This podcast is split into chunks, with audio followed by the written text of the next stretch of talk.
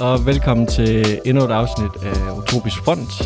I dag har vi et øh, spændende og stort emne på, på trapperne.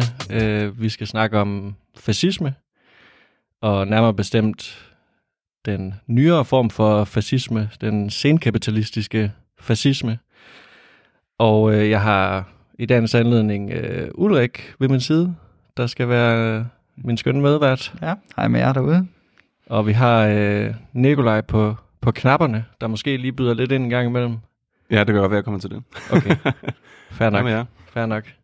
Så øh, vi får forhåbentlig ordentligt lyd også med, med Nikolaj her.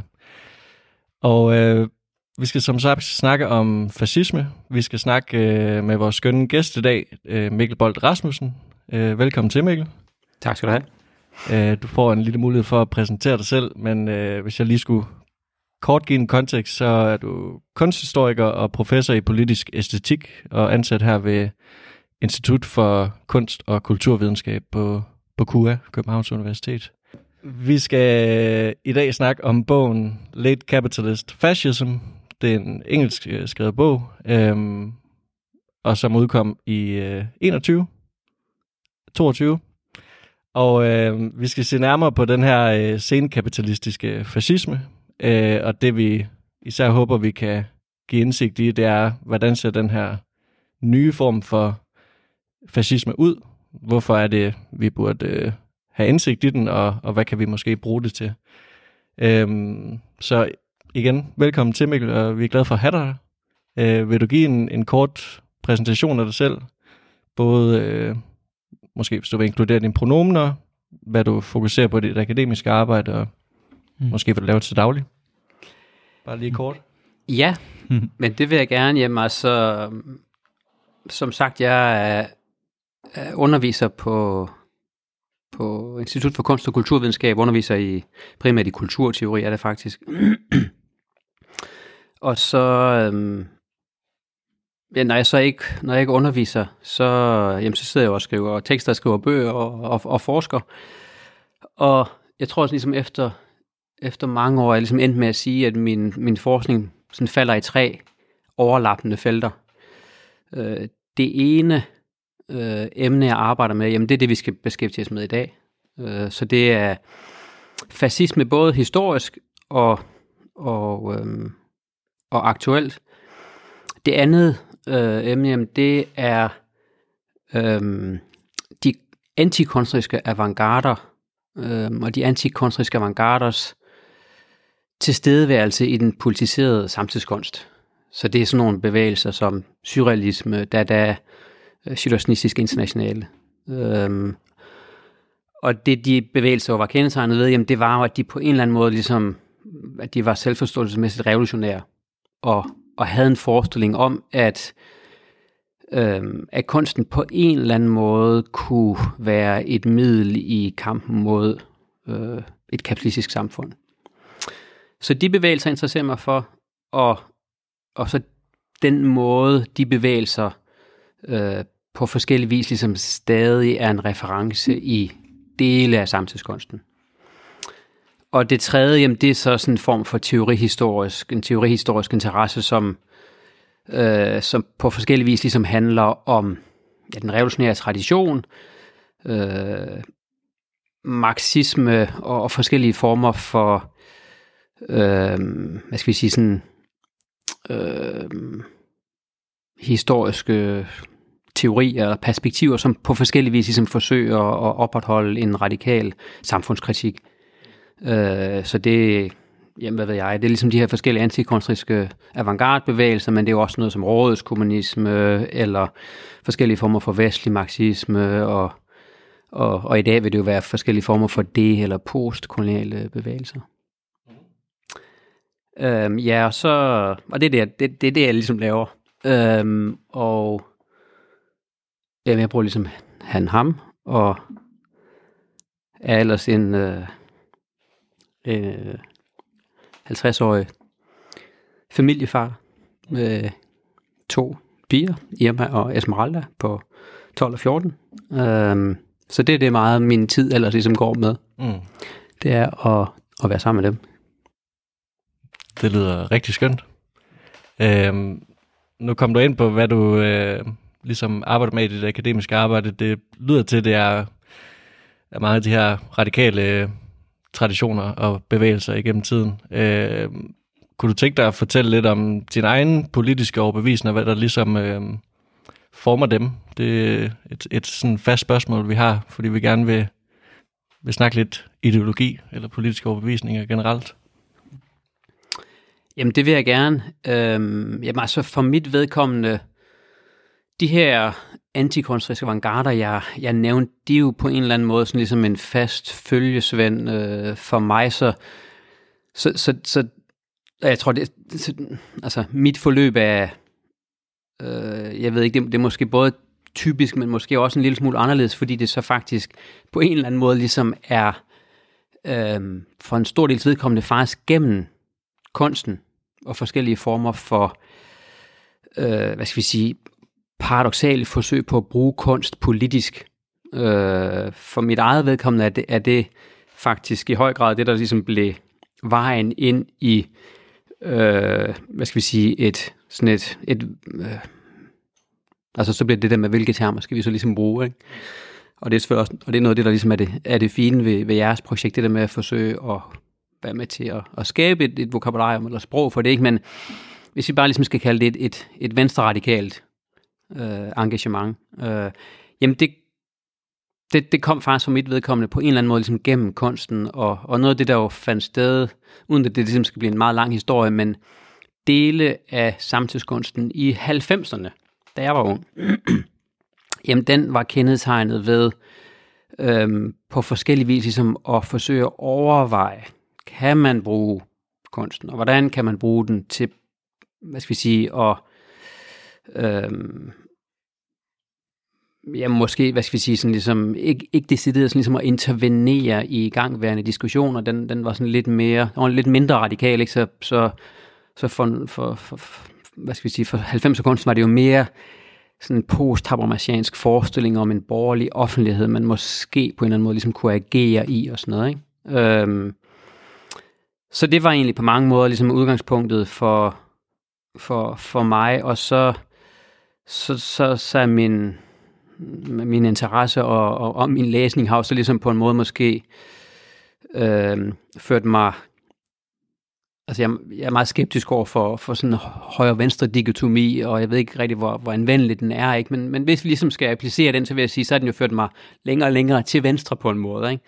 Så, så, øhm, så som ikke andet for os ligesom at gøre det muligt at bruge nogle af de betegnelser, som, som på en eller anden måde ligesom ikke er særlig anvendelige i en dansk kontekst, så ah, har jeg jo i, i flere sammenhænge sagt, jamen det jeg laver, det er, nogle gange har jeg ligesom sagt, det er marxistisk kulturanalyse, eller andre gange siger det kommunistisk kunstkritik, eller noget af den dur, ikke?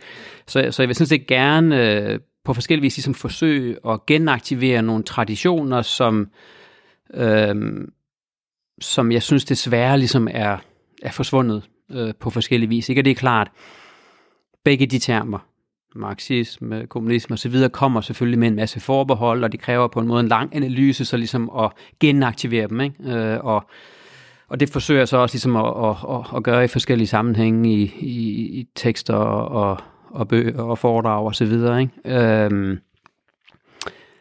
men altså karakteristisk, jamen, i 2019 skrev jeg den bog, der hedder På råbafstand af marxismen. Og, og, og det, det er måske en meget god øh, beskrivelse af øh, en, den position, jeg indtager. Ikke? Altså hvad skal vi sige, at, at der er i hvert fald en form for tradition, jeg forsøger at, at forholde mig til, som er marxisme. Marxisme forstået som, hvad skal vi sige, en, en øh, kritisk øh, analyse af den kapitalistiske produktionsmåde og de former for dominans, som øh, den forårsager, koblet til et forsøg på faktisk også at, at, at agere, hvad skal vi sige, politisk, aktivistisk, interventionistisk. Ikke? Så det er ikke bare en teori og en analyse, men der er faktisk også en, en praksis selvfølgelig. Ikke?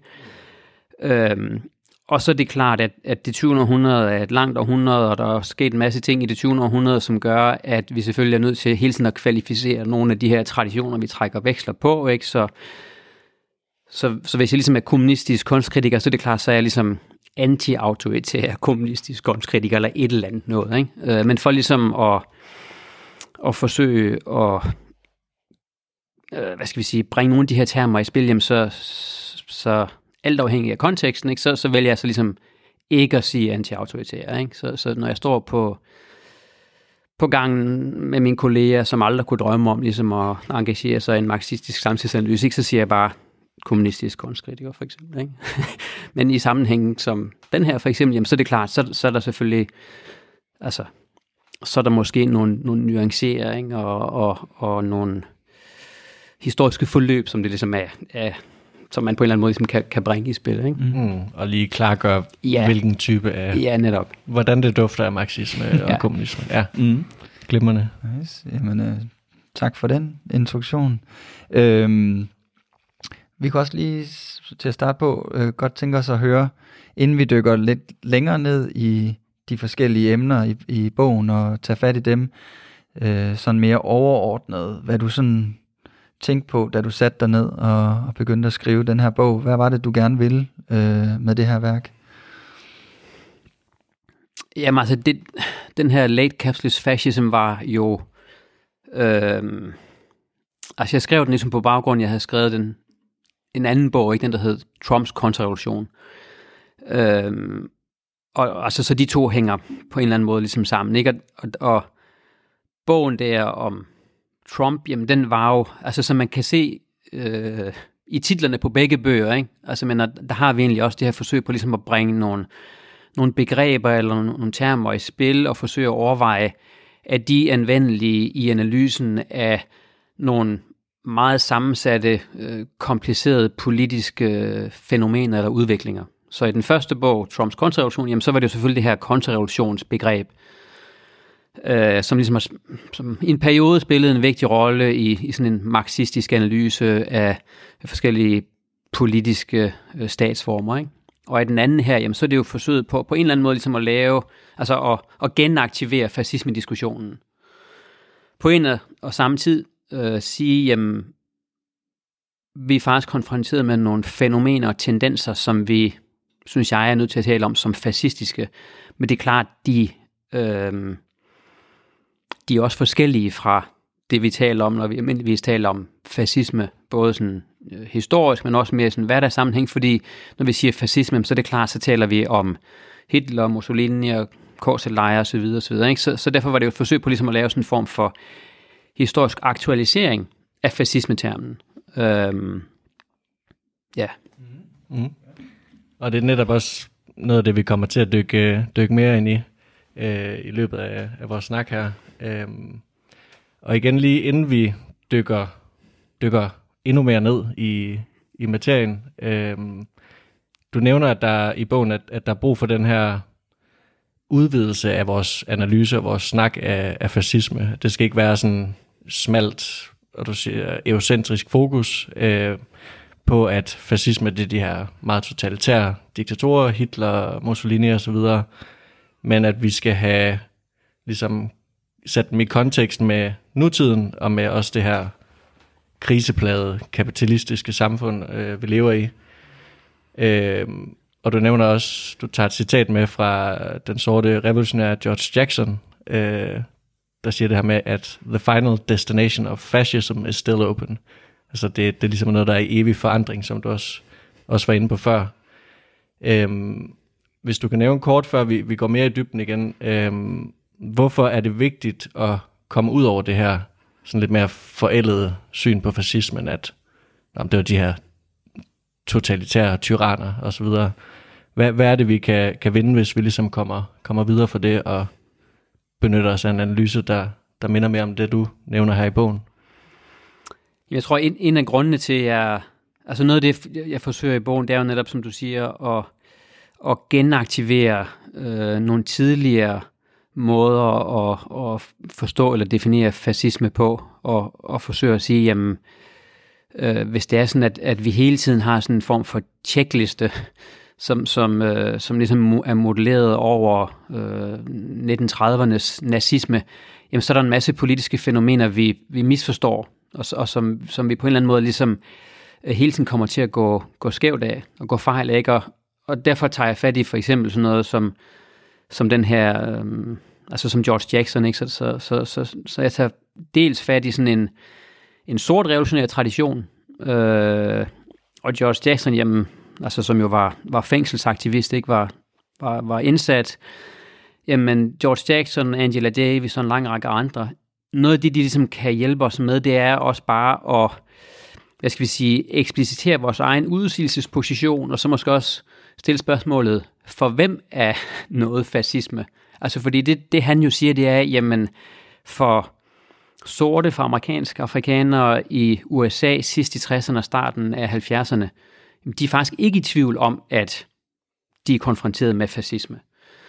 Øhm, og, og, og det, altså den, den form for forskydning, eller hvad vi skal kalde det, øhm, er jeg inspireret af og forsøger på en eller anden måde sådan ligesom at, at øh, jeg benytte mig af i bogen, ikke? og siger, jamen, øh, Øhm, det kan godt være, at når vi kigger ud af vinduet i på Amager, eller på Nørrebro, eller i øh, Viborg, hvor vi nu ligesom kan befinde os, så synes vi ikke, det ser ud som alle de forskellige filmiske eller populære videnskabelige repræsentationer af nazisme fra Schindlers liste til, hvad ved jeg, eller sådan noget holocaust-film, øh, det ligner ikke.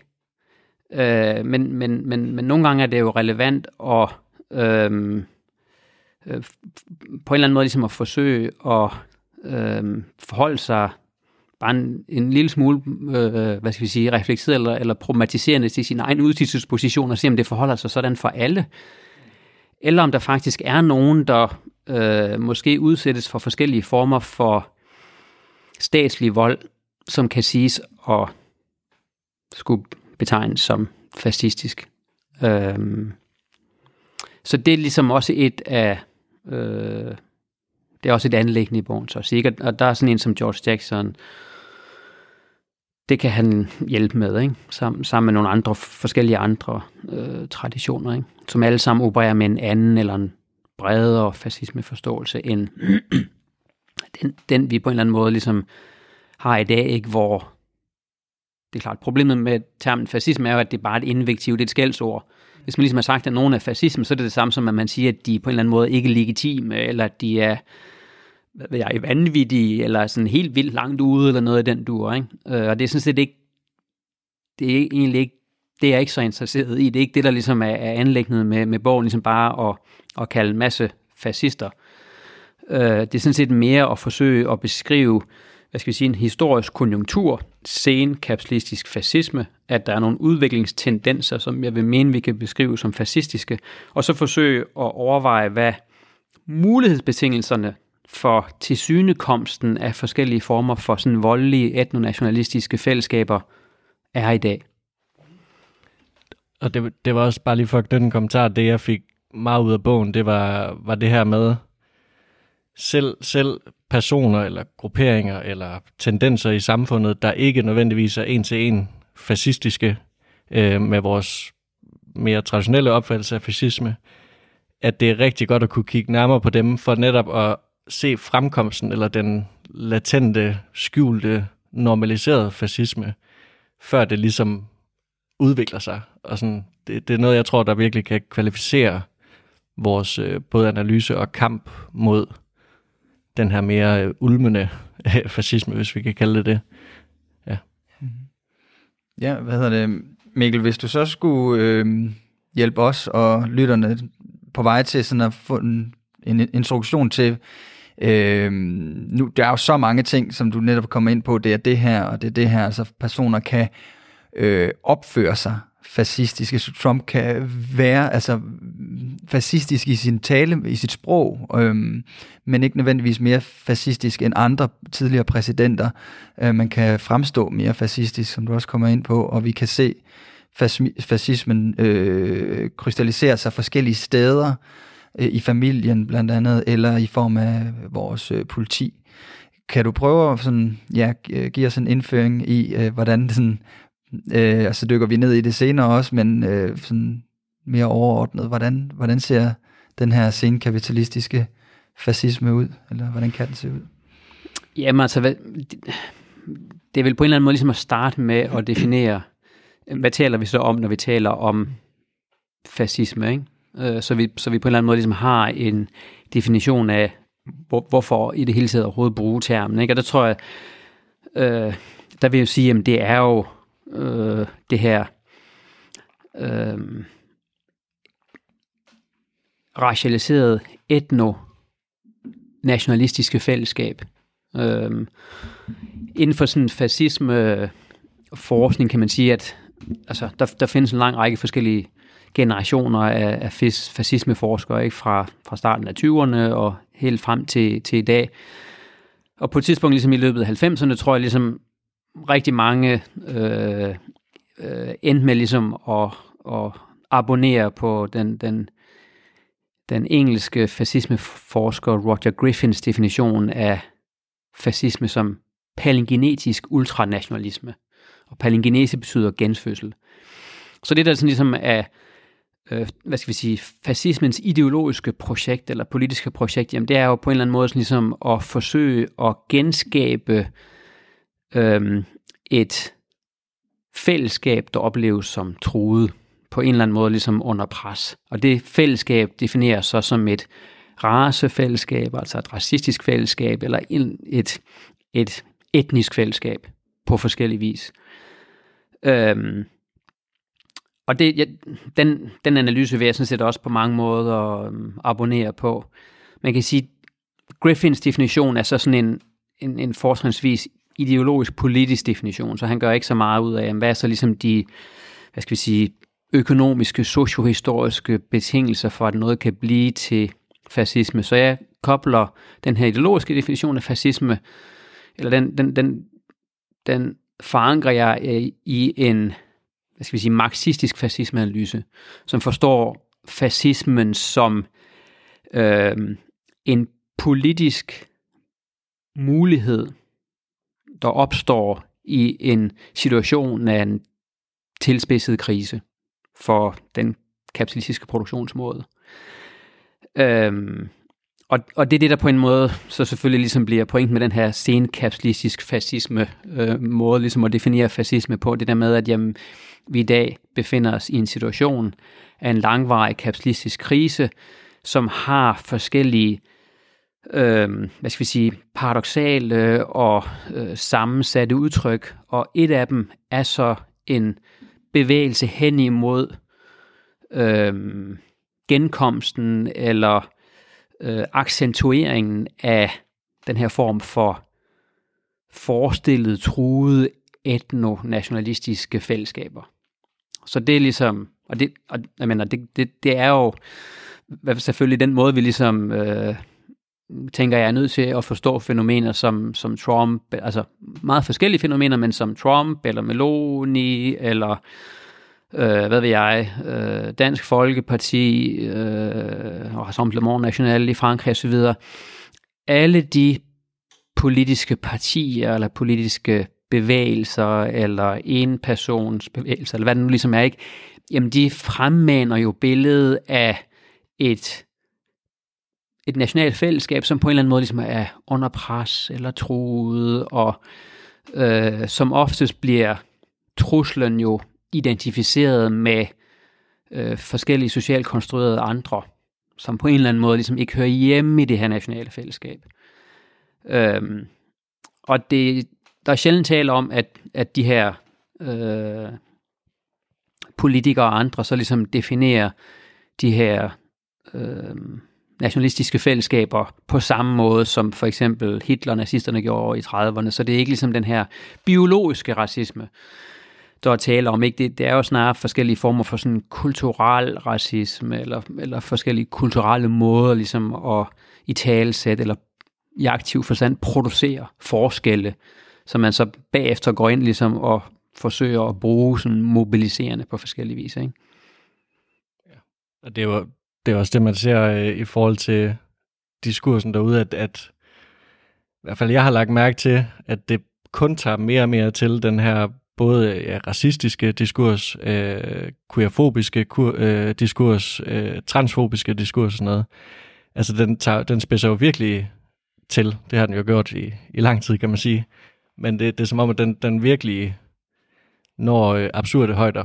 Øh, Ja, helt sikkert. Altså, øh, nå, men det var det, hvad skal vi sige, hvis det var sådan, at mange troede, at stormen på kongressen den 6. januar 2021 ligesom så var afslutningen på et eller andet, ikke? Så, så, så, så vil jeg argumentere for, at det snarere sådan, ligesom var sådan en form for præludium på, på noget, der sådan ligesom blot vil, vil vokse i omfang på en eller anden måde i, i, øh, i en amerikansk kontekst, men, men også mange andre steder. Ikke? Altså, øhm, jamen, altså, og, og, og det er det, der, en del af det, der også ligesom bliver analysen i, i, i bogen, der, ikke? det er jo, at det her, det er ligesom nogle processer, som vi måske øh, skal hvad skal vi sige, vi, vi skal lære at analysere dem, og vi skal lære at analysere dem hensides et øhm, øhm, hvad, skal vi, hvad hedder sådan noget, hensides en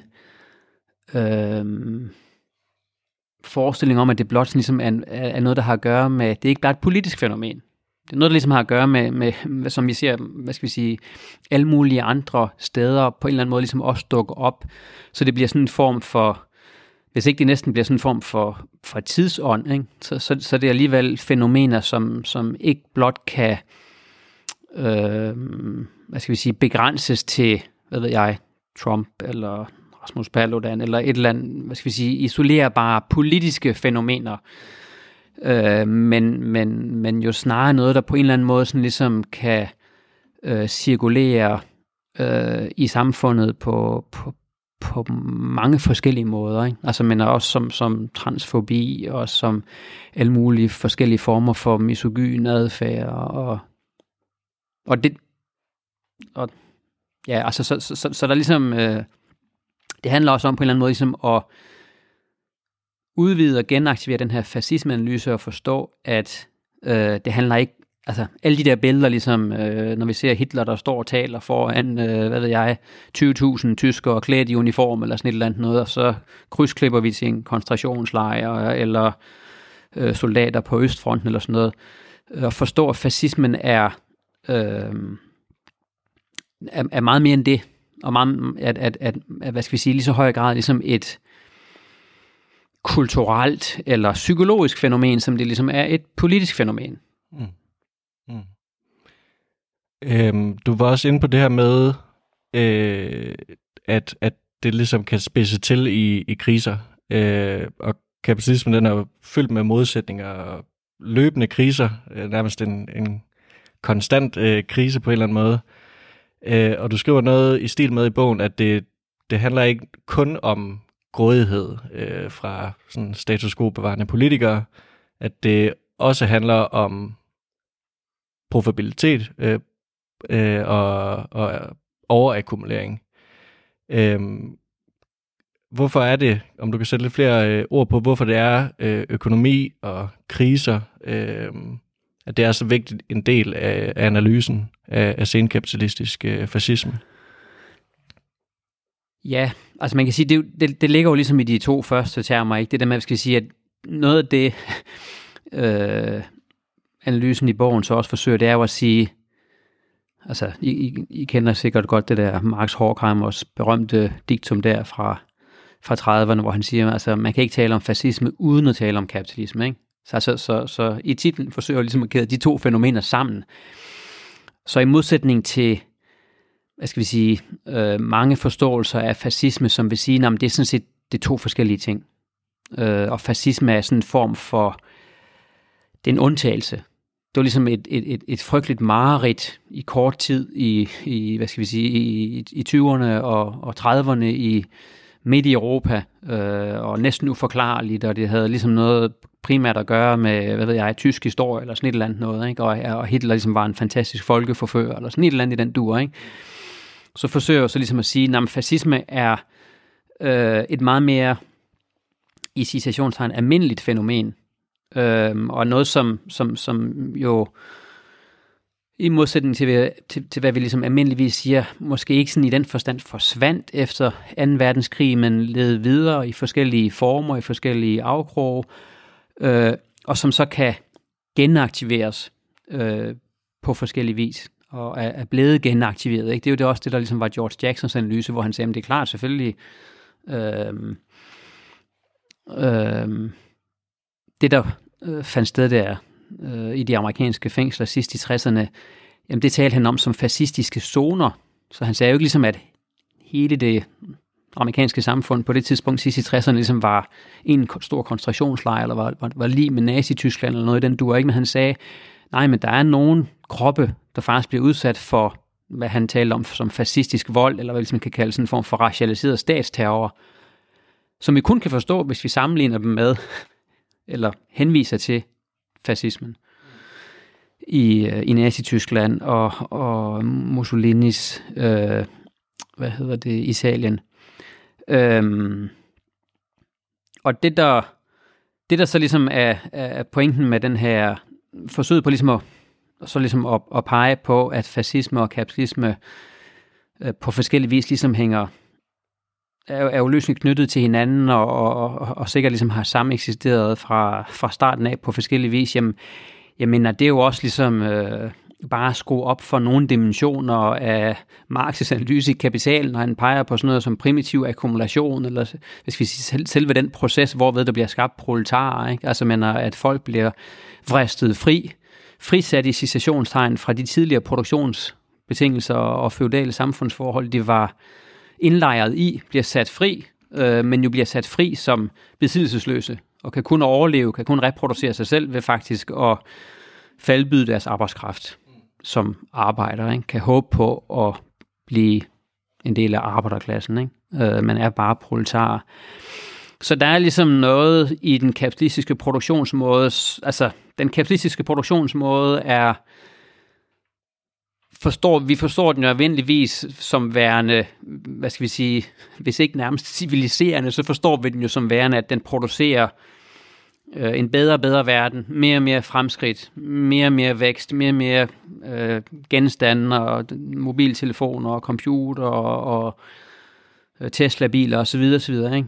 Øh, men, men fra Marx over George Jackson og, og, og frem til forskellige dekoloniale teoretikere, der ved vi jo ligesom, at den kapitalistiske produktionsmåde ikke bare i lige så høj grad, men mere producerer underudvikling og faktisk støder folk ud væk fra de tidligere produktionsforhold, øh, de, de var en del af, og, og så bliver de sat fri, men bliver sat fri og kan så forsøge at overleve. Ikke? Øhm, så der er en, altså så kapitalismen er jo, er jo, er jo, er jo et, et ekstremt voldeligt regime, øhm, og fascismen er øh, så en underlig, paradoxal, sådan politisk-kulturel kriseløsning, som, som, som, som, som på en eller anden måde ligesom byder sig til i situationer af intensiveret krise.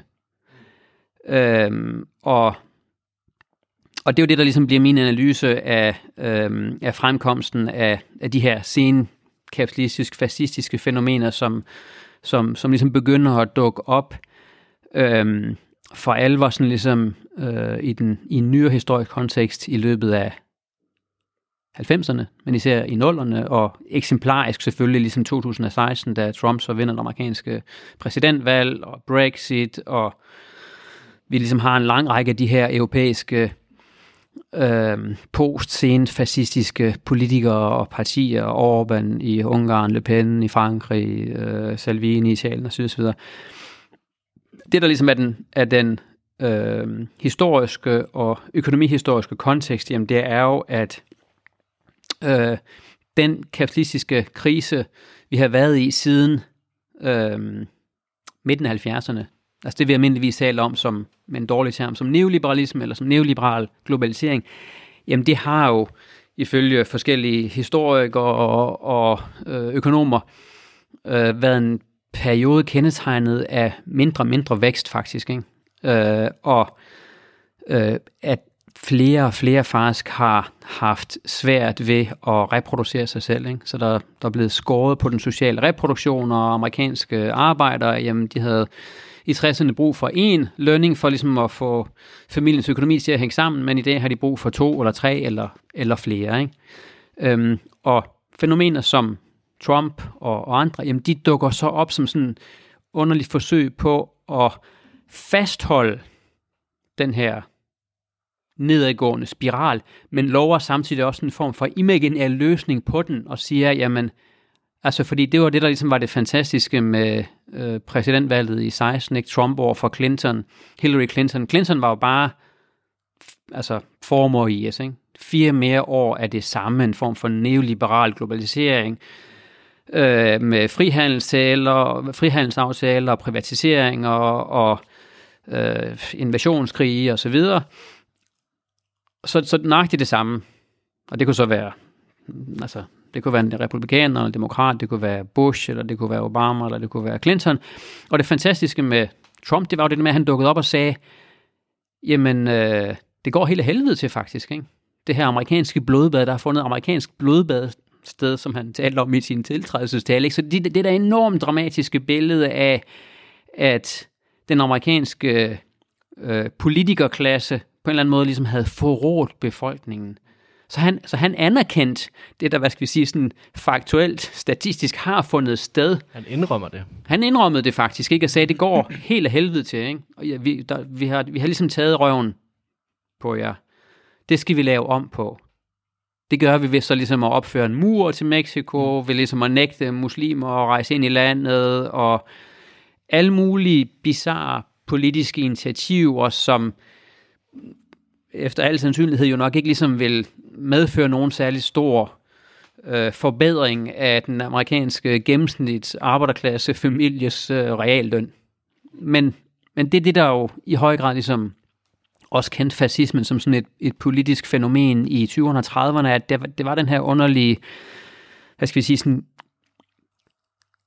en kulturel løsning på, nogle, øh, på en økonomisk krise, hvor man så ligesom, altså man i, i 30'erne i Tyskland var det jo selvfølgelig ikke mindst jøder, som så ligesom blev identificeret som selve ondens rod. Så det der ligesom var, var er, er paradokset på en måde, det, det er jo lidt det der med, at de her fascistiske politikere øh, og øh, partier, jamen, de er jo, hvad skal vi kalde det, misforstået antikapitalistiske, i den forstand, at de faktisk peger på, at der er noget, der ikke fungerer. Og siger, jamen, øh, det, det, det er tydeligt ligesom, at der har fundet en, der, der, der, der har ligesom fundet en, en økonomisk udvikling sted, øh, som har gjort mange flere mennesker fattige, og nogle ganske få rige. Det, det skal vi gøre noget ved. Men det, der så ligesom skal, altså den måde, der ligesom skal gøres noget ved det på, er så ikke ligesom, at der skal tages penge fra de her folk, der har the 1% i USA, der ligesom har fået alle de her enormt mange penge. Øh, det, det, skal, det skal ligesom snarere ske ved så ligesom at udstøde eller eksternalisere øh, nogen, som ikke er en del af et forestillet nationalt fællesskab. Øhm, og det, ja, og det, det, det, det var det, vi, vi, vi så på forskellige vis, ligesom i, i Italien og Tyskland og Spanien og andre steder, ligesom i, i, i 30'erne og frem. Og, og det vil jeg mene, det er jo det er ligesom det samme politiske projekt, vi faktisk finder øh, hos, hos politikere som, som, som Trump, men også hos en, altså en lang række europæiske politikere. Det, det, det er den forestillingsverden, de på en eller anden måde ligesom taler ind i. Og ærnet i bogen er jo så på en eller anden måde ligesom at forsøge at øh, bidrage med øh, en, en form for historisk analyse, hvor, hvor jeg så forsøger at sige, hvad er ligesom mulighedsbetingelserne for de her fascistiske politikere? Hvad er ligesom det historiske forløb, de skal forstå som en øh, effekt af på en måde? Ikke? Øh, hvis, hvis vi på en eller anden måde ligesom skal ende med at have en adekvat analyse af dem, men måske også ligesom skal øh, bekæmpe dem som politiske og kulturelle fænomener. Mm. Så det er det her med, at, at, at man kan sige, en, en fortsat løbende øh, kapitalistisk krise, øh, så kommer fascisterne ind, eller dem, der i hvert fald er meget fascistoide øh, tendenser, og ligesom har den fordel, at de indrømmer faktisk over for vælgerne, at, at der er faktisk noget galt her. Og så, så laver de så nogle racist, racistiske, sexistiske og så videre greb, øh, der siger, at vi skal bare lige have lavet de her stramninger, vi skal bare lige have lavet de her justeringer, så, så kan vi faktisk få gang i den her øh, økonomiske øh, vækst igen, øh, blandt andet. Ja, det der, altså jeg skal sige, man kan sige, øh, den, den, den korte historiske analyse af, af mange af de her fænomener, øh, som, som, øh, som for eksempel Trump, det vil jo være det der med, det er klart, den korte, øh, den korte historiske bane er jo ligesom forløbet fra 2001, øh, terrorangrebet på World Trade Center, Pentagon og det, det hvide hus, øh, som udgør et form for spektakulært, et form for billednederlag for den amerikanske stat, som, som, som indtil da, og, og, og også indtil til 2008, og måske indtil 2016, eller noget den duer ligesom fremstod som verdens ubetingede øh, stormagt. Ikke? Men lige pludselig var der nogle, nogle, øh, nogle, nogle øh, øh, gutter fra, fra Mellemøsten, som så ligesom kabrede nogle fly, og jeg må jo, hvad skal vi sige, totalt øh, smadrede forestillingen om, om det her uangribelige øh, overherredømme. Og så gik USA så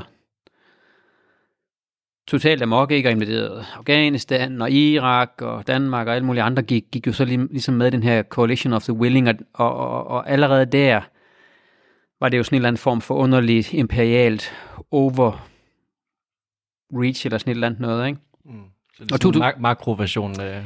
Ja, der var, det, hvad skal vi sige, det, det virkede som en, som, som en underlig paradoxal overreaktion, eller, eller, eller hvad skal vi sige, evnen til at foretage strategiske beslutninger forsvandt.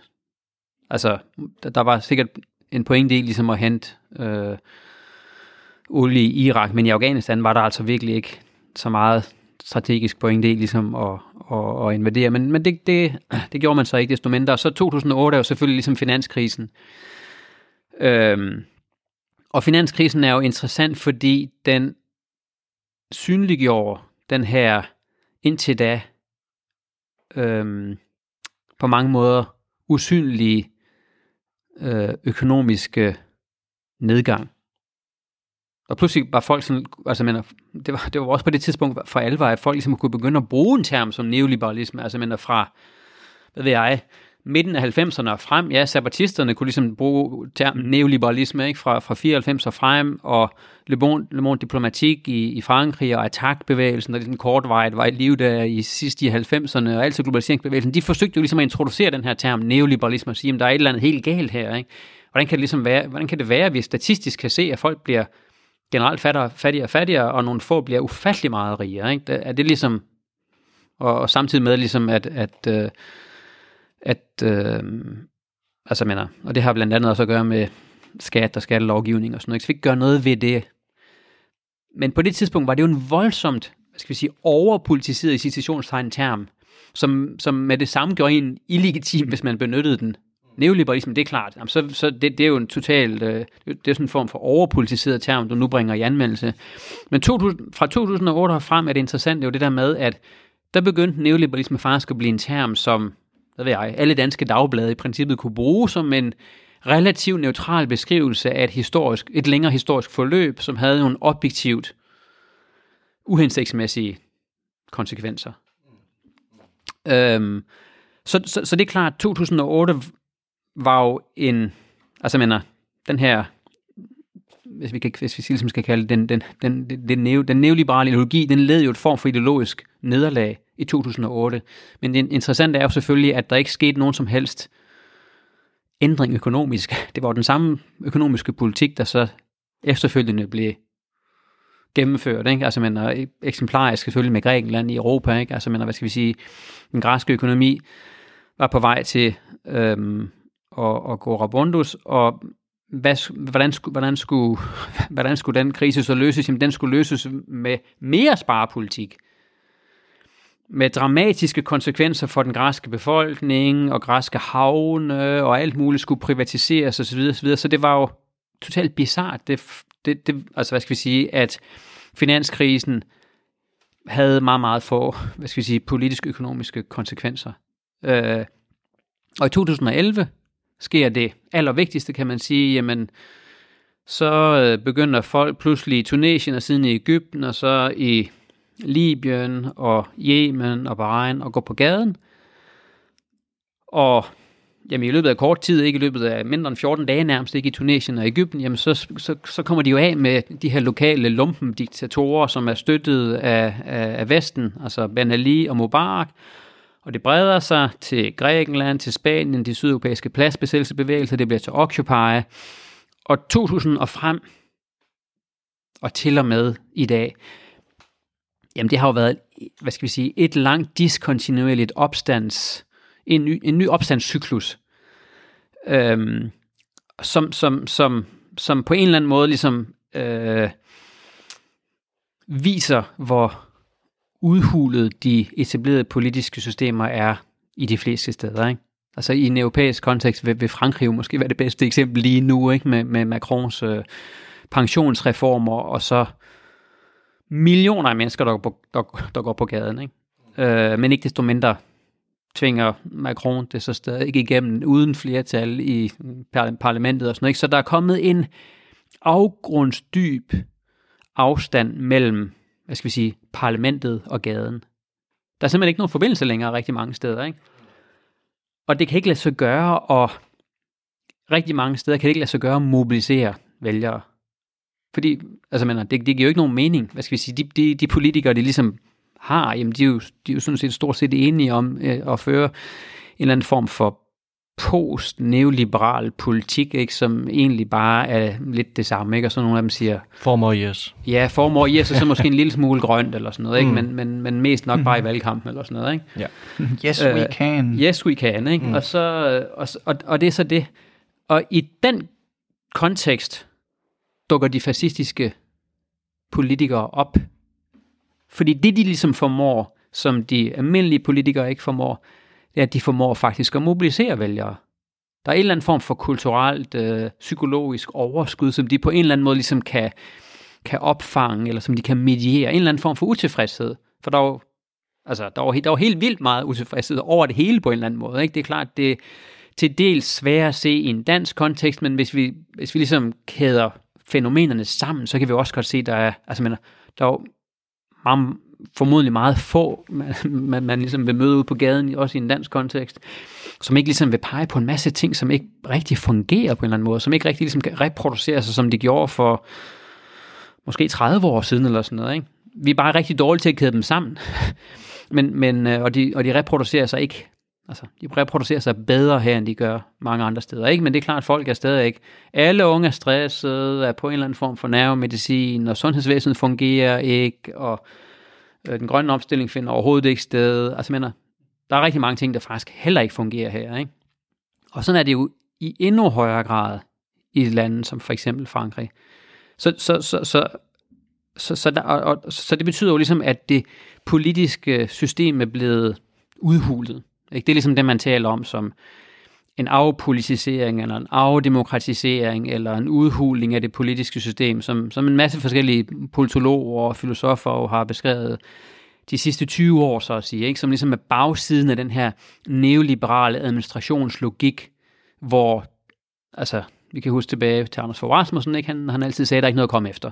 Og det blev sådan for, for der er ikke noget at komme efter. Mm. Altså, hvad skal vi sige? Så uanset hvad, hvad, hvad, hvad, hvad der ligesom bare er kritik, eller et forsøg på ligesom at åbne en politisk diskussion, så var svaret jo bare, der er ikke noget at komme efter. Altså, så det var den der underlige konsensuslogik, hvor der er, ikke, der, der, der er simpelthen ikke nogen politisk horisont.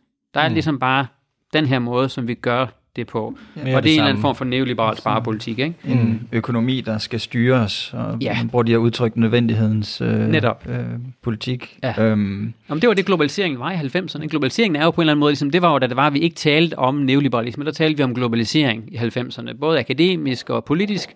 Og globalisering blev præsenteret som sådan en form for tsunami-agtig kraft, som det eneste, man kunne gøre, det var, at man kunne ligesom, man var nødt til at forholde sig til den, ikke? Man kunne forholde sig til den ved at øh, lave forskellige former for arbejdsmarkedsreformer.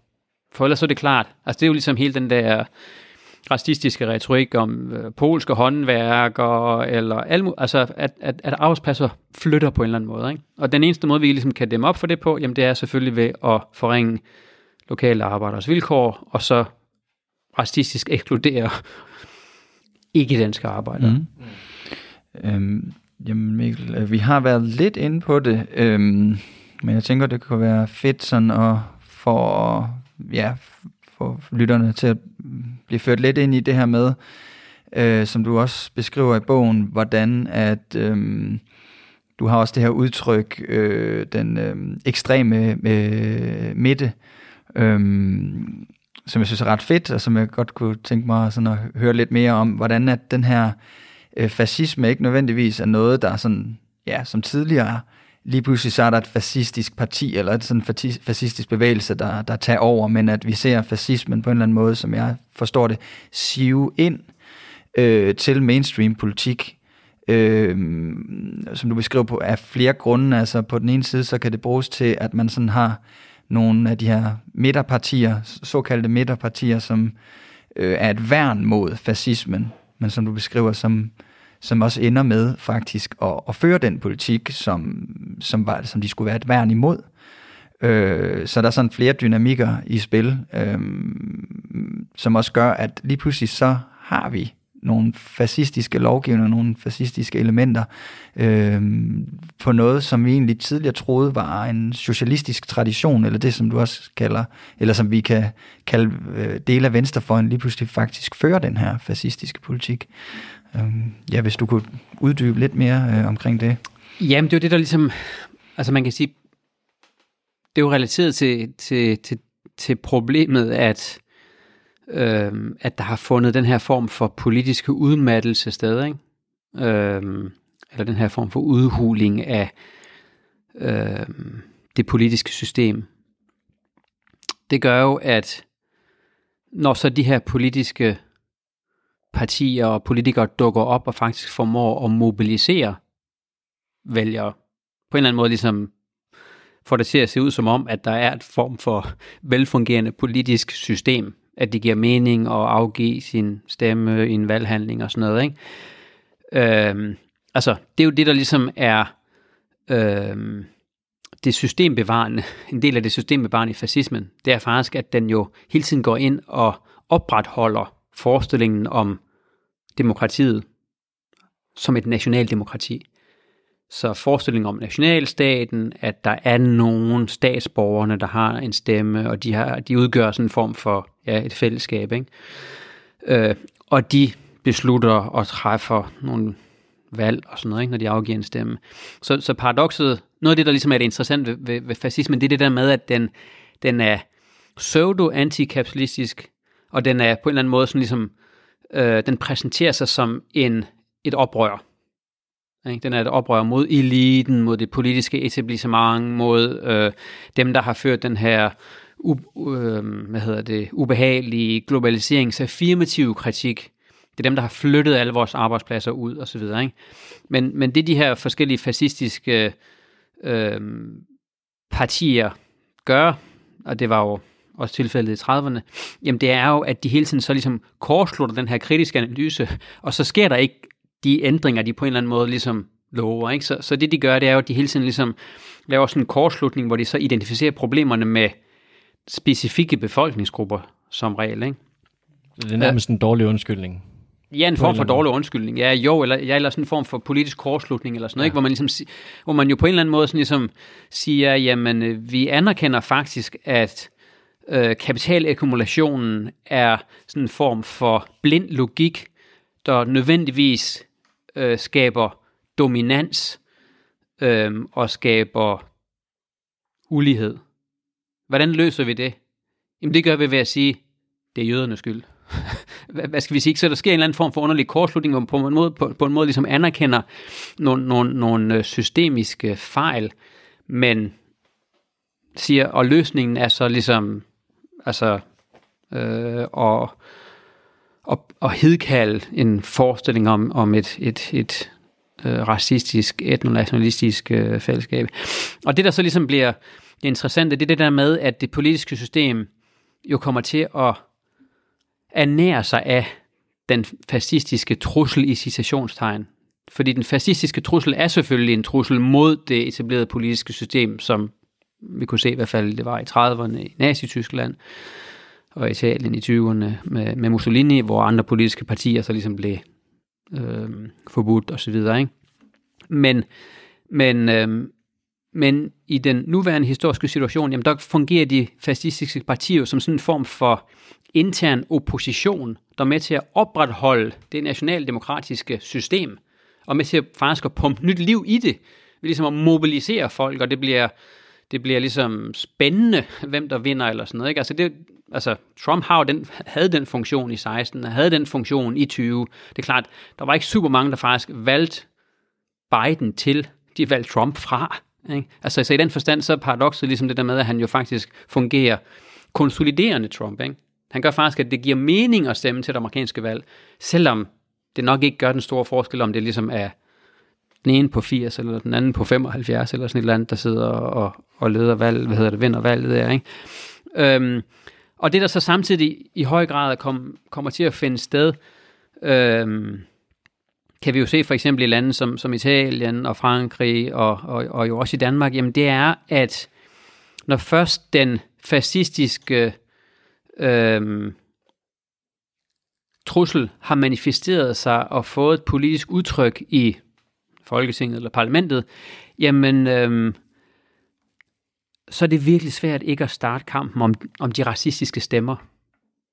Altså, mener, det er klart, i, i Frankrig forsøgte man jo faktisk i starten af 90'erne, da det, da, da det, det første valg, hvor Farlepen øh, faktisk pludselig ligesom kom så langt, som, han, som, som da han kom til anden valgrunde, ikke? så skete der en enorm stor antifascistisk mobilisering, øhm, og, og så gik der jo faktisk, jamen, hvad ved jeg, 15 år før det, der tidligere hed Front National, som blev til Rassemblement National, formåede at samle så stor opbakning, så datter, Marine Le Pen, så faktisk nåede i anden valgrunde. Ikke? Øh, så der var stort set alle andre øh, franske politikere og partier jo enige om, jamen, øh, ikke i vores gader. Ikke? Altså fascister er simpelthen noget andet. De er ikke legitime politiske øh, dialogpartnere. De skal, dem, dem taler vi simpelthen decideret ikke med. Ikke? Øh, og det er klart, det, det er jo på ingen måde længere tilfældet. Og det der så ligesom begynder, altså Danmark var også en form for avantgarde, når det handlede om det, ligesom, det korte forløb der fra sidst i 90'erne til, til, til, til, til valget 2001, Poul Nyrup Rasmussen, der ligesom Rasmussen, der siger, at Dansk Folkeparti, som jo også er sådan en form for etnonationalistisk parti, jamen der, der, der ligesom begyndte, motiveret også af kampagner, Ekstrabladet og Berlingske Siden og andre aviser, der ligesom der kørte de her forskellige kampagner mod øh, indvandrere og, og, og, og asylansøgere, som ligesom blev stigmatiseret som, som snylder på den danske velfærdsstat, ikke? og kriminelle osv. videre. Der begyndte jo at ske en mobilisering, som øh, det danske socialdemokrati først lagde afstand til i eksturæne, men lige så langsomt startede kampen så om de racistiske stemmer. Ikke? Og, og folketingsvalget i 2001, som fandt sted ganske kort tid efter 9-11, så på, på et opportunt øh, tidspunkt for Anders Fogh Rasmussen og Dansk Folkeparti, øh, jamen, den, den blev ligesom defineret af den her øh, producerede forestilling om, øh, jamen, jeg ved ikke engang, hvad skal vi sige, altså mener, at, at der på en eller anden måde ligesom er en form for øh, nogle, nogle store sociale, økonomiske, kulturelle problemer med, med, med, med, med nogle bestemte befolkningsgrupper, man selv taler frem som et problem. Øh, og, og det bliver på en eller anden måde ligesom den vigtigste politiske dagsorden, øh, på baggrund af, af hvilket man så kunne, kunne, kunne vælge en ny regering. Øh, og det er selvfølgelig et historisk forløb, som så ligesom er endt med, at jo faktisk hele det danske øh, folketing på en eller anden måde ligesom har skrevet under på øh, nogle asyl og en asyl- og flygtningepolitik, som, som er ekskluderende, ikke? som er racistisk, øh, og som ligesom også øh, kommer til udtryk i, i forskellige former for socialpolitiske initiativer, ghetto-plan og hvad ved jeg. Ikke? Øh, og så, så det er et eksempel på den her mainstreamificering eller indoptagelse af en politik, som på et tidligere tidspunkt øh, er helt uden for det politiske spektrum, og, og, og, og noget, som stort set alle politiske partier er enige om, naturligvis ikke er et legitimt politisk udsagn.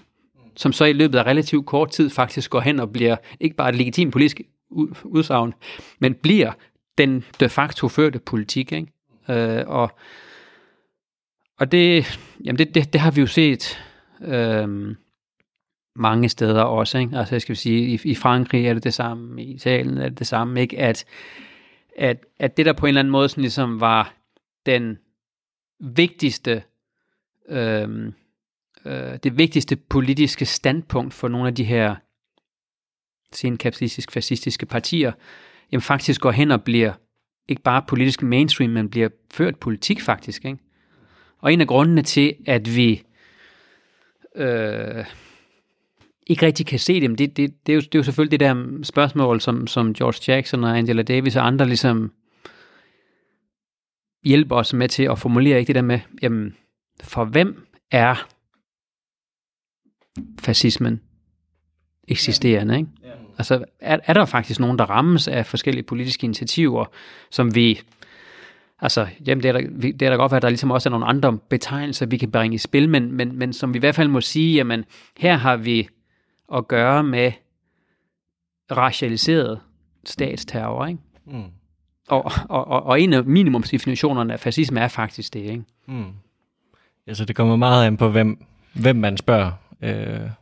Det er også det, der jeg tror, det også hænger lidt sammen med, at der er mange i Danmark, der, der ser Danmark som sådan et sted, hvor at, jamen, det er jo ikke så galt i Danmark, men at man også glemmer, hvad det er for et økonomisk system, og hvad det er for en fødekæde, Danmark er en del af. Hvad er det for nogle... Øh, ja, øh, altså det, dem, der bare arbejder i det globale syd, altså øh, det globale proletariat, hvordan at de er en del af det danske system, man ikke kan adskille det, og den vold, de bliver udsat for, som du også kommer ind på i forhold til at skal øh, arbejde for at overleve, arbejde eller dø. Øhm. Ja, og, altså, men, men det der også ligesom er pointen, det er jo det der med, det er jo derfor, det er klart, at altså, mener, et af de vigtigste politiske spørgsmål er jo selvfølgelig stadig spørgsmålet om migration, ikke? Øh, selvom om spørgsmålet om, om klima og antropocene bliver vigtigere og vigtigere, så er det klart, at spørgsmålet om migration er stadigvæk helt centralt. Ikke? Altså, mener, så, så vi behøver ikke engang at tale om hvad ved jeg, international arbejdsdeling eller proletariatet i syd eller sådan noget. Ikke? Der er faktisk nogen i Danmark allerede i dag, ikke? som bliver udsat for en behandling, som Jamen det ved jeg ikke, det er jo, det er ikke noget ligesom, øh, det er ikke noget, vi sidder og påstår rundt om bordet, ikke? men som Amnesty og alle mulige forskellige organisationer også siger, jamen det er statsvold. Mm. Ikke? Altså der er nogen, der bliver placeret i, i lejre og på på, på vilkår, som, øh, altså, som nedbryder dem, ikke? Mm. Som, som gør, at de bliver så nedbrudte, så de ikke kan se anden udvej end at tage livet af sig selv. Ikke? Mm. Altså det er i høj grad også øh, til stede aktivt øh, fortsat i, i Danmark. Øh, noget, noget vi også meget gerne lige kort vil ind på i hvert fald. Øh, du nævner øh, i bogen det her med, at øh, i senkapitalismen, der har staten den her dobbelte rolle. De skal registrere, styre og borgerne osv., så sådan at de ligesom kan øh, administrere dem, undgå øh, oprør og så de skal holdes lidt tilfredse, de skal holde passive, øh, hvilket man meget godt kan sige passer på sådan, den brede danske befolkning. Øh, men samtidig så skal de også mobiliseres til at gå på arbejde hver eneste dag. Øh, og gå ned og stemme en gang imellem, kan man sige. De skal ligesom stadig, skal ikke være så passive, at de overhovedet ikke deltager jo. Øhm, kan du sætte nogle ord på, øh, måske især i Danmark, hvad, hvordan du ser den her situation med den her dobbelte rolle for staten? Øh, sådan lige kort, inden vi, mm, vi går ud. Ja, jamen altså det er jo, hvad skal vi sige, hvis jeg ligesom trækker på den her radikale sorte tradition, så, så, er, øh, så er jeg jo også kontinuerligt øh, inspireret af, eller interesserer mig for, for den her gruppe, der hedder Situationistisk Internationale, som er den her underlige, paradoxale, super interessante øh, antikunstneriske avantgarde, som eksisterede fra, fra 1957 til 72. Så de, øh, de udviklede en teori om det, de kaldte det spektakulære samfund, eller skuespilsamfundet. Øh, ikke mindst øh, ham, der hed Guy Debord, øh, han, han skrev en, en bog med den titel i i 67, La Société du Spectacle, som er blevet oversat til dansk også et par gange. Første gang titlen Skuespilsamfundet, den anden gang Det Spektakulære Samfund. Og hans analyse, det er jo sådan en, et bidrag til sådan en vestlig marxistisk analyse af øh, af den historiske udvikling, og hvad er relationen mellem kapital og stat i efterkrigstidsårene. Og det, det Borg øh, forsøger at beskrive, jamen det er den nye rolle, staten får øh, på det her tidspunkt, hvor han observerer, han er jo altså han vil nok ikke kaldes kunstner, ikke? Men, men han har jo lavet en antifilm, om ikke andet, i 1951 og sådan noget, ikke? Og, og der er Asger Jorn, og der er forskellige folk, der på en eller anden måde ligesom har noget at gøre med kunster med i gruppen, ikke? Men så de interesserer sig jo i hvert fald for kunst og for billeder. Og det, de ligesom finder ud af, det er, at billeder får en stadig større betydning øhm, i de her øh, vestlige konsumsamfund, der bliver etableret øh, efter 2. verdenskrig, ikke? hvor økonomierne i Vesteuropa boomer derudad. Så det, de beskriver, det er at der finder en kolonisering af hverdagslivet sted. Og det interessante i den her sammenhæng, hvor vi taler om fascisme, er jo selvfølgelig, at det borgerjournalisterne faktisk bruger termen kolonisering, øh, og bruger den øh, i forlængelse af forskellige øh, analyser, øh, der beskriver, at der er en kontinuitet mellem vestlig imperialisme, kolonialisering og så fascismen. Ikke? At fascismen er uforståelig øhm, hvad hedder det, den, den, den kan kun forstås på baggrund af øhm, kolonisering og imperialisme. Og altså, det er jo det ligesom af MSSR og senere og sådan noget. Og sådan som han er Arends analyse af fascismen, at på en eller anden måde er den jo ligesom, at den kommer tilbage. MSSR taler om det som sådan en form for boomerang-effekt, hvor det er de her øh, øh, vestens kolonimagter ligesom har praktiseret i kolonierne, jamen det øh, vender hjem og, og, og, og bider dem i røven i øh, 20'erne og 30'erne med fascisme og, og, og, og nazisme. Men det, det, det Borg så beskriver, det er, at den kolonisering, der tidligere fandt sted af øh, landområder, men også den udbytning, der fandt sted på fabrikken, jamen den bliver suppleret af en kolonisering i hverdagslivet, altså i fritiden. Og fritiden opstår som et fænomen på det her tidspunkt. Ikke? Øh, du går ikke på arbejde syv dage om ugen, øh, hele tiden ikke. Du får en fridag, og du får, får, får lige så langsomt ligesom råd til forskellige øh, forbrugsgenstande, og kan måske tage på ferie og sådan noget, ikke, op i løbet af, af 60'erne. Og det, det Borg så beskriver, det er, at det her konsumsamfund på en eller anden måde ligesom øh, bliver det rigtig vigtigt at producere billeder, der øh, mobiliserer til den rigtige form for adfærd. Altså, så det er sådan en form for subjektproduktion, der finder sted, hvor arbejderne er i færd med at blive forvandlet til forbrugere. Så det bliver sådan, sådan et arbejdsforbrugssubjekt, der bliver produceret. Og øhm, i den proces, øh, jamen, der bliver den her kontrollen med det her billedbombardement, der begynder at finde sted, altså den tidlige reklamekultur, kan man kalde det, ikke? Den tidligere, reklame, den tidlig reklameindustri, der ligesom begynder at opstå der i efterkrigstidsårene, det bliver rigtig, rigtig vigtigt at kontrollere de her processer. Og det er det, de beskriver som, som, som det her skuespilsamfund på en måde. Ikke? Så folk hele tiden, det spektakulære, eller skuespillet, det er jo ligesom, at folk hele tiden bliver bombarderet med billeder. 24-7. Altså hvad vi, for, for, for, for også for mig, ikke? Men, men, men endnu mere for jer selvfølgelig. Det, det er jo det, der ligesom er, er, er, altså sådan er det jo bare. Altså i dag har vi jo ligesom ekstremt kraftfulde billedmaskiner alle sammen hele tiden, ikke? Altså, hvad skal vi sige, så, så, så vi lever jo ligesom i det her, den her billedeksplosion, ikke? Og vi kan endda selv producere de her øh, billeder. Det er det, det Borg beskriver øh, en tidlig fase af i 50'erne og 60'erne, og går så ind og siger, øh, det er ret tydeligt, at der, der finder sådan en eller anden form for, øh, hvad skal vi sige, fordeling sted, hvor det på en eller anden måde ligesom bliver statens vigtigste rolle bliver nærmest at sørge for, at den her billedproduktion og billedcirkulation fungerer. Og, den, og, og, og, og så, så, så, så der er sådan en anden form for øh, dialektik mellem, mellem kapital og, og stat for, for det borger, øh, eller sådan en form for arbejdsfordeling nærmest der. Ikke?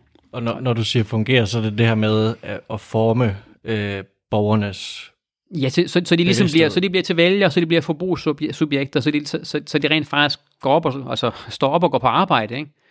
Øhm, og jamen, jo ikke har nogen drømme om noget som helst andet, eller det de drømmer om, det er ligesom en ny iPhone, eller et par nye cowboybukser, eller en, et større sommerhus, eller hvad det ligesom kan være, ikke?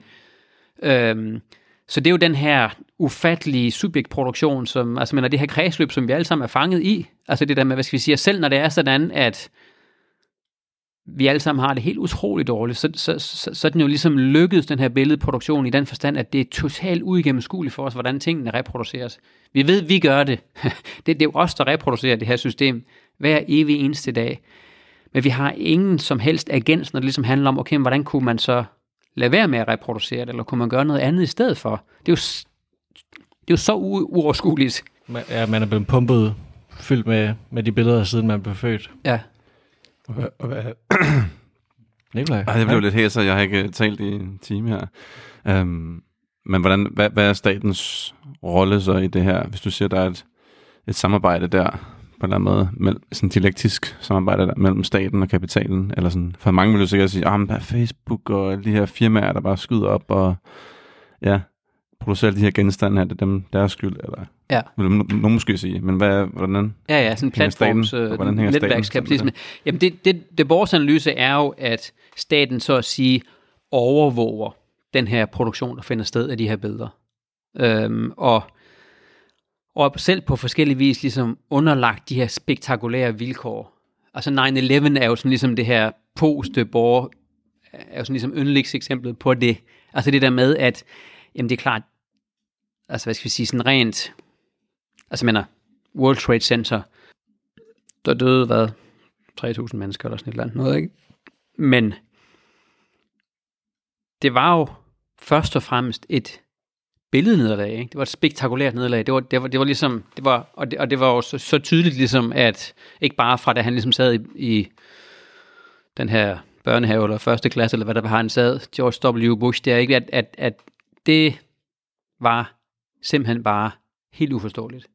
Det var, det var, det var, det var simpelthen altså uforklarligt, uforståeligt. Det var, det, var, det var helt utroligt det der med, at verdens eneste supermagt, som ligesom havde vundet, historien var jo slut. USA havde vundet den kolde krig. Øh, der var ligesom, på det, og på det, altså mener, i 2001 var Kina jo ikke ligesom øh, den samme økonomiske magt, som, som, som Kina så siden er- blevet, så der var ikke noget som helst andet jo. Altså mener, 2001 var jo, Ja, vi havde altid globaliseringsbevægelserne, som var inspireret af zapatisterne, og der var food riots en gang imellem i Latinamerika, Afrika eller sådan noget, men vi hørte jo ikke engang rigtigt om det, plus at, at det var på en eller anden måde sikkert deres egen skyld, fordi de så ikke ligesom havde formået at implementere de her enormt gode planer, som Verdensbanken og andre ligesom øh, tilbød dem. Ikke? Altså, men altså, så, så vi havde simpelthen ikke noget sprog og noget vokabularium, hvormed vi ligesom kunne for, forstå de her ting. Vi var ligesom bare i den her kapitalistisk realisme-verden, ikke med, med Mark Fischers termer. Øhm, men indflyvningen af de to øh, fly der i, i World Trade Centers to tårne øh, var øh, ja, var det her spektakulære nederlag, som på en eller anden måde ligesom, som USA var nødt til at reagere på. Ikke? Og det var derfor, vi fik de her bizarre forsøg på så ligesom at genskabe billedet af amerikansk overherredømme. Ikke? Altså som, som, altså så, og som var helt karikeret fra, at Bush lander på et hangarskib i den persiske golf en uge inde i invasionen. Og så er der et kæmpestort banner, hvor der står Mission Accomplished. og holder en tale og siger, at de har vundet, og, og det, hvad skal vi sige, vi har, vi har sejret, vi har vundet, og alt, alt ligesom, som det skal være i. Og, sådan, og, og så tog det faktisk alligevel lige lidt tid før, der, de så havde vundet, og spørgsmålet er, om man den dag i dag ligesom vil sige, at de så faktisk egentlig vandt, både i Irak og Afghanistan og sådan noget. Ikke? Vi havde den anden der, hvor amerikanske, eller vi, vi havde den begivenhed, fantastisk fotobegivenhed, ikke? Hvor, hvor, hvor irakere i Bagdad vælter Saddam-statuen, som modtager den amerikanske befrielses her modtager dem som, som og ikke? Nu endelig har de fået demokrati, og så videre, så videre, ikke? Og så dagen efter får vi jo så nogle andre billeder, hvor vi ser, at det amerikanske soldater, der betaler de her irakere for faktisk ligesom at få det til at se ud, som om, at de vælter den her statue der af Saddam, ikke? Men det er sådan set orkestreret amerikanske soldater. Så har vi øh, episoden, hvor Bush lander i en hangar uden for Bagdad og serverer kalkun for de amerikanske styrker, og det viser sig, at det er en, en, den her plastik. Så der er simpelthen det ene mere bizarre eksempel på, at det, det betyder faktisk noget med de der billeder. Og billederne af amerikansk sejr eller overherredømme osv. De, de, de, de, de kan simpelthen ikke... Det, det, altså, det er simpelthen... Øhm, det kan ikke lade sig gøre at have billederne fra 9-11 stående på nethinden. De skal på en eller anden måde ligesom eksorceres og erstattes af noget andet. Øhm, og det er det, det borger på en eller anden måde ligesom peger på, at både politisk og økonomisk magt har at gøre med billeder i dag. Øhm, så det, betyder, det betyder simpelthen noget, hvad skal vi sige, det ved vi jo også godt, ikke? altså hvad skal vi sige, øh, det, at, at, at det faktisk betyder noget, hvad vi putter ind i hovedet. Altså hvad skal vi sige, det handler om, det om ligesom, at vores bevidsthed, vores, hvad, hvad, hvad tror vi er muligt? Ja. Og hvad vil vi gerne? Og det er faktisk meget godt sådan øh, overgang til vores øh, anden halvdel af, af, af det her afsnit. Øhm, fordi øh, ja, nu har vi snakket rigtig meget om, sådan, hvad er øh, øhm, øh, senkapitalistisk fascisme, og hvordan ser det ud på forskellige måder, hvad har der været af sådan eksempler på det. Øhm, og her efter pausen vil vi gerne sådan tage snakken i retning af, øh, ja, nu er der altså, man har snakket om, som vi snakker om nu, det her med, at øh, historien den er afsluttet, men så bliver den åbnet op igen, og der er sådan, der, nu starter det, og så er der så fascister, der gerne vil have at øh, pege til en tid, der har været, den her øh, tid efter øh, øh, øh, mellemkrigstiden, øh, og så skal vi lidt ind på, hvordan kan vi lave et, øh, et andet narrativ, hvor vi øh, nok nærmere ser fremad og kigger på, hvad kan vi skabe øh, sammen? Som, øh, som en, som en, en mod, modbillede til, øh, til de her fascistiske øh, tendenser. Så tusind tak for, for første halvleg, øh, Mikkel, og så kommer vi tilbage lige om lidt.